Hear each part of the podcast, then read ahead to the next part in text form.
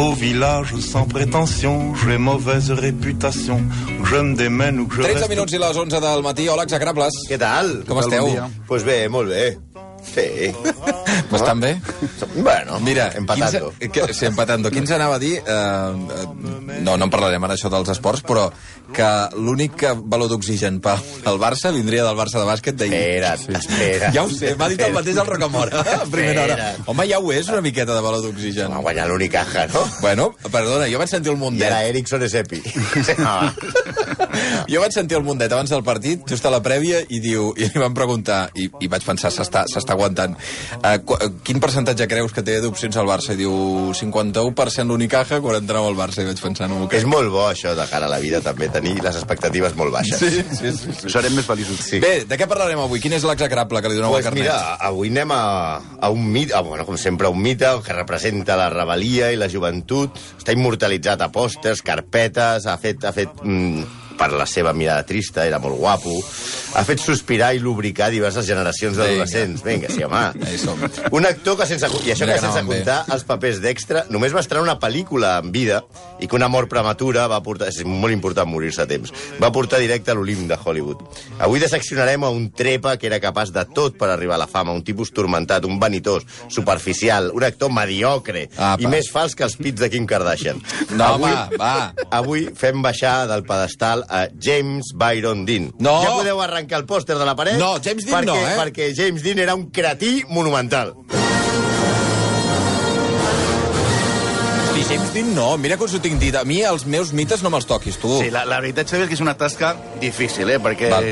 Però bueno, la veritat és que la vida d'aquest Jimmy, com li deien, està plena d'equívocs. Per començar, si llegiu a internet, una de les famoses frases que el va fer cèlebre és aquesta de viu ràpid, mor jove i deixa un bonic cadàver, no? Mm. Doncs bé, ja comencem malament, perquè aquesta frase és de la pel·lícula Truqueu a qualsevol porta, de amb Humphrey Bogart. Sí, no és seva. No és seva. Està bé. La única connexió que té amb la pel·lícula és que la va dirigir Nicolas Rey, que també va dirigir a James Dean a Rebel sense causa. També tenim el tema de la seva bellesa. Aquesta Home, bellesa. era guapo. A veure si em diràs ara que no. Vale, portava dentadura postissa, No. vale? Sí o no? Sí, sí, va perdre les dents amb un accident de nen.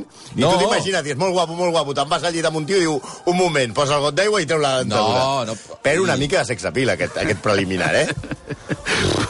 Però per començar... Sou, sou més cruels que... que, que...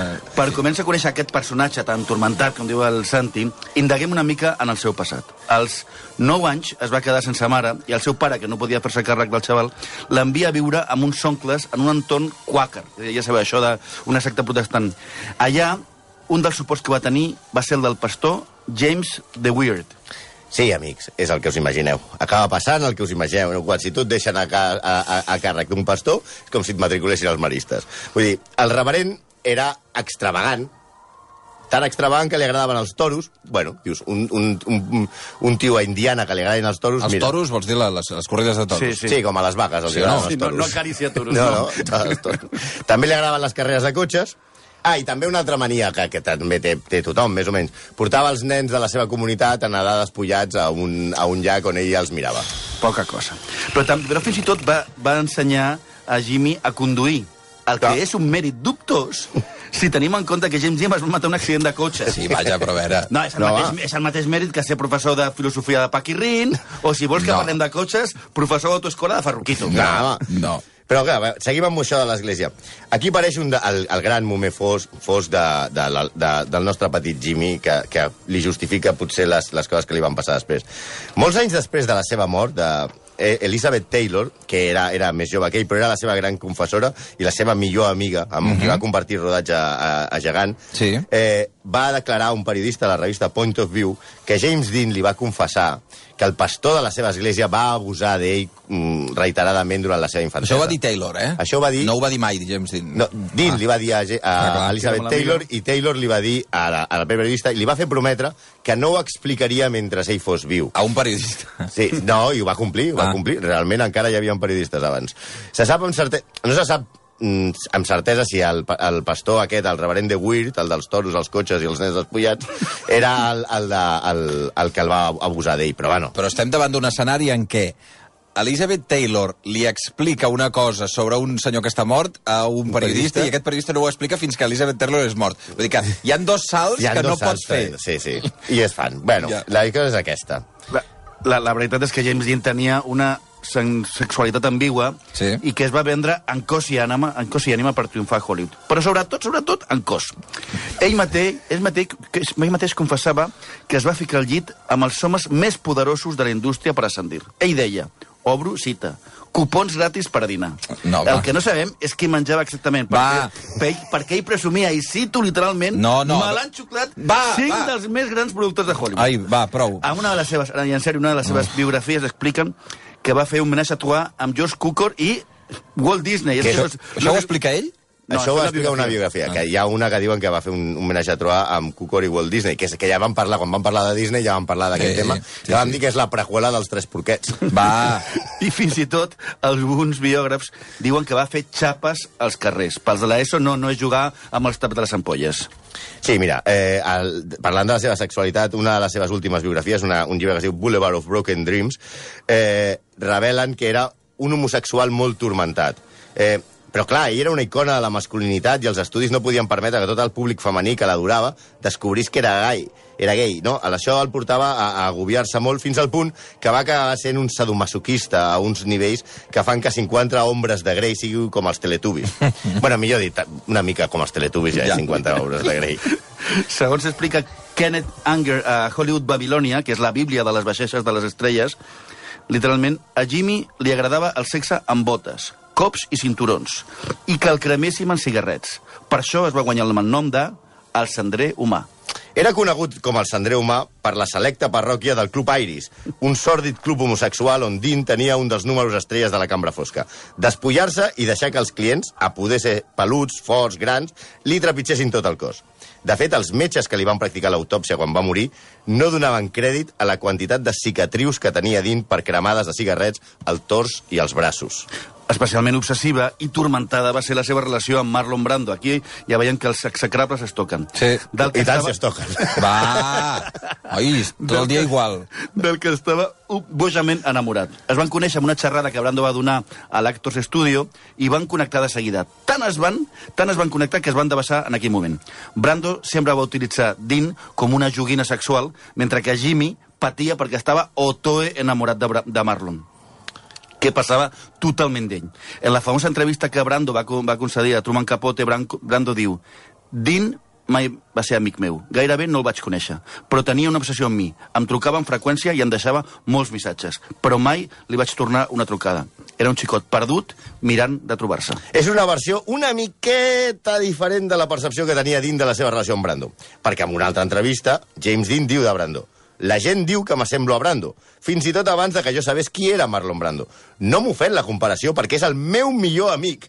No he conegut mai cap persona com Bran. És sensible, després, pacient i el millor actor del món. A vegades, quan actuo, l'imito. I això és una cosa que només ell i jo sabem.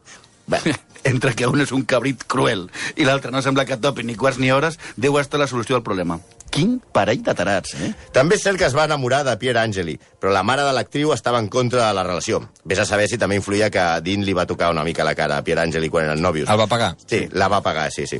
I la va induir Ah. la mare, a Pierre Angeli, a casar-se amb Vic Damone, que era un cantant, no una pizza familiar. I el dia del casament, Dean es va aturar amb la seva moto davant de l'església quan es casaven Vic Damone i Pierre Angeli, i va, es va posar a accelerar amb la seva moto sense parar. Sí o no? Sí, sí, allò Cap fent- a l'església, fan... Sí, una mena d'un un, M'encanta. un Sons of Anarchy d'aquests, Sí, sí, allò sí, davant, sí. allò, ves això, no? Ella tampoc va acabar massa bé, la Pierre, perquè es va suïcidar als 39 anys eh, amb una sobredosi de barbitúrics.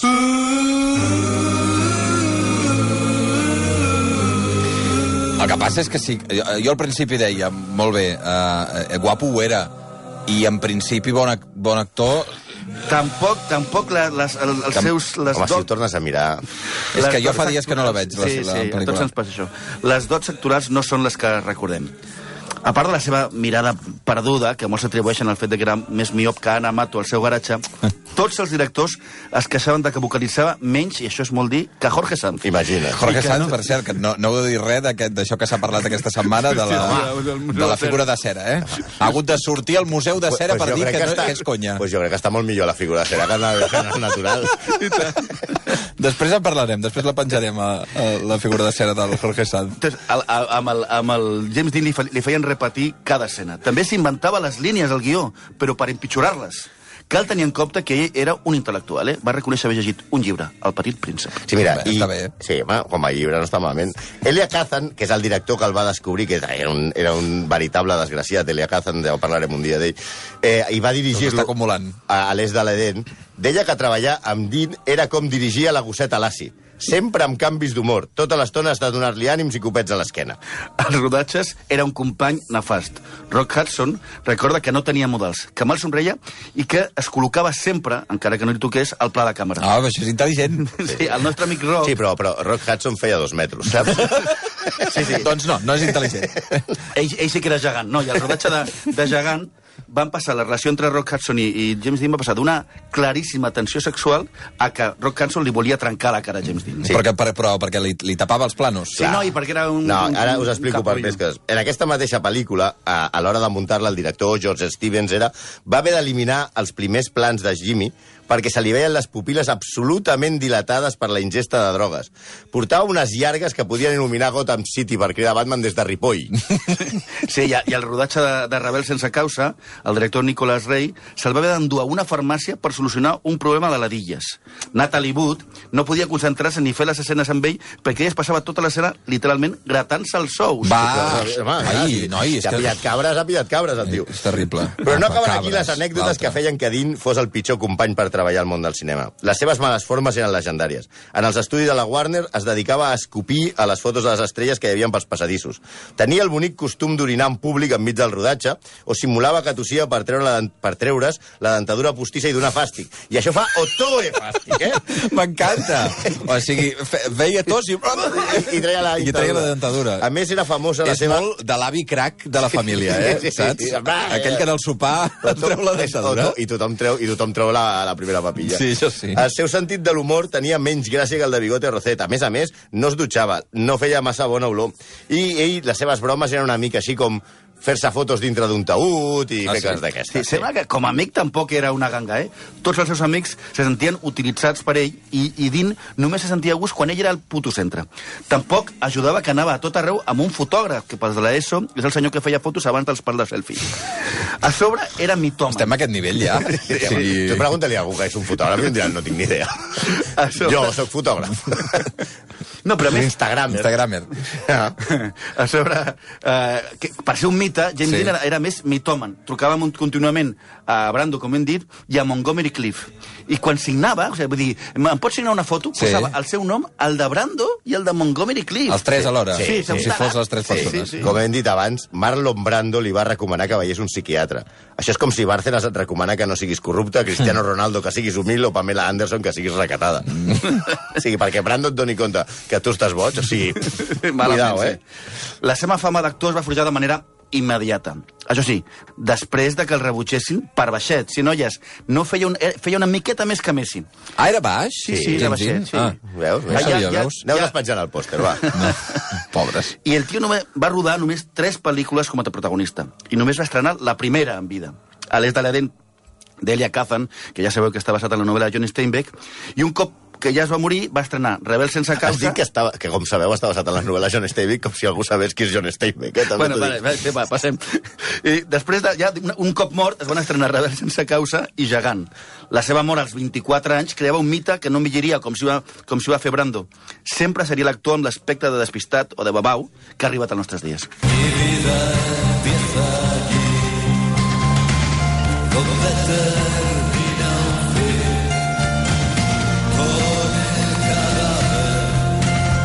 yo di... Vale, sí. Ha fet molt la pal el Jimmy Dean, eh, també. Parlant de la seva mort, va. Molts s'ha especulat amb que va ser un suïcidi. El fet és que es va matar amb el seu Porsche Spider, el qual li havia posat com a nom el bonic nom de Petit Bastard.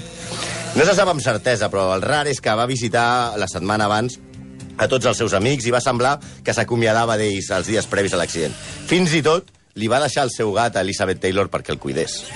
Sí, hi ha moltes teories conspiratòries entorn de la mort de Dean. Oh, però ja la- us agraden ja, que siguin Home, conspiratòries. Sí, sí, però cada qual més delirant. La principal, òbviament, és que ell no va morir. Ah, home, això ens encanta. Sí, que que pot va- aparèixer en un supermercat d'Arizona. Clar, Sí. que va quedar desfigurat i que van, el que van enterrar al seu lloc era el mecànic que l'acompanyava, que de fet no, no va morir. No va morir aquell dia. No va morir aquell Ah, dia. anava amb un mecànic al Sí, cotxe. sí, però, És però, que quan hi ha l'accident, la hòstia és tan tremenda que el, el mecànic surt per la d'això i, la- i la bufetada Per la fa- finestreta. per la finestreta i ell fa que quedi en el seient del copilot per això es, deia, per això es va especular molt que conduïa el mecànic però Ja. després es va veure que va rebotar. Però clar, la, el, el mecànic també, uns, uns anys després, es va matar un accident de cotxe. I això també alimenta la teoria conspirativa de que no, que és, és, és James Dean, que Mm. com és un boig dels cotxes, eh, eh, es va matar. Les, les, les teories continuen que vivia en un monestir budista i que connectaven les fans mitjançant els anuncis de paraules de Los Angeles Times. Evidentment, això no té ni solta ni volta, però sí que hi ha alguna cosa interessant eh, i misteris envoltant de la mort de Dean. D'entrada, dos dies abans de morir d'accident, Dean havia rodat per la policia de trànsit de l'Estat un anunci contra els excessos de velocitat. Hosti. També és absolutament cert que una setmana abans de matar-se, Dean va coincidir amb Alec Guinness a un restaurant i li va ensenyar el Porsche amb el qual els mataria una setmana després. I Alec Guinness va dir-li fes de tot amb aquest cotxe menys conduir-lo perquè et mataràs. Amb raó, a Alec Guinness li van encarregar construir el pont sobre el riu Queix. Hosti, és fort, eh? Sí. Li, va, li va llançar aquesta frase? Sí, sí, sí, sí. Que bèstia. És que el cotxe era una bomba. Li deia Ja. petit bastard, però difícil que era conduir-lo. Sí. Només hi havia 90 unitats d'aquest cotxe en el món. Uau. Després 89. Sí, altra maledicció que s'ha fet famosa és la que cau sobre el repartiment de rebels sense causa. Tots els protagonistes de la pel·lícula van morir joves i de manera misteriosa o violenta. Dean, com ja hem vist, es va estapar en cotxe. Sal Mineo va morir als 37, que el van apunyalar a casa seva. Natalie Wood, que tenia fòbia a l'aigua, va sortir en barca amb el seu marit, Robert Wagner, i Christopher Walken, que de fet, ja sabeu, Christopher Walken és el pare de Bruce Willis a Pulp Fiction i el pare de, de Leonardo DiCaprio a Atrápame si puedes. Sí, Pues, problemes. aquest, aquest era l'amant de Natalie Wood i sembla ser, hi ha dubtes de que Robert Wagner la, la, se la va carregar. Home, vamos, és, és, és com un de J. Simpson, això, eh? Exacte. I després hi ha Nick, Nick Adams, que el van trobar mort a casa seva per sobredosi. Si afegim les ladilles de Jimmy, el rodatge devia ser una juerga, eh? Va. Mira, finalment, el negoci es va muntar entorn a la seva mort, va ser pornogràfic i està ple de llegendes, algunes mentides i altres veritats. Mira, entre les mentides estan en què les peces del Little Bastard estaven maleïdes cotxe, sí. i que van matar tots aquells que les van posar al seu cotxe. Hi ha, podeu Ah, hi ha trobar- gent que va agafar les Sí, peces i se les van va desguassar instal·lar. el cotxe, un va agafar les rodes i diu que va tenir un accident. També diuen que quan van portar el cotxe al taller de, de, desballestament va caure i va matar un mecànic, que Mhm. un va agafar una porta... Però el que és, eh, això no està conformat i, i té pinta que és mentida.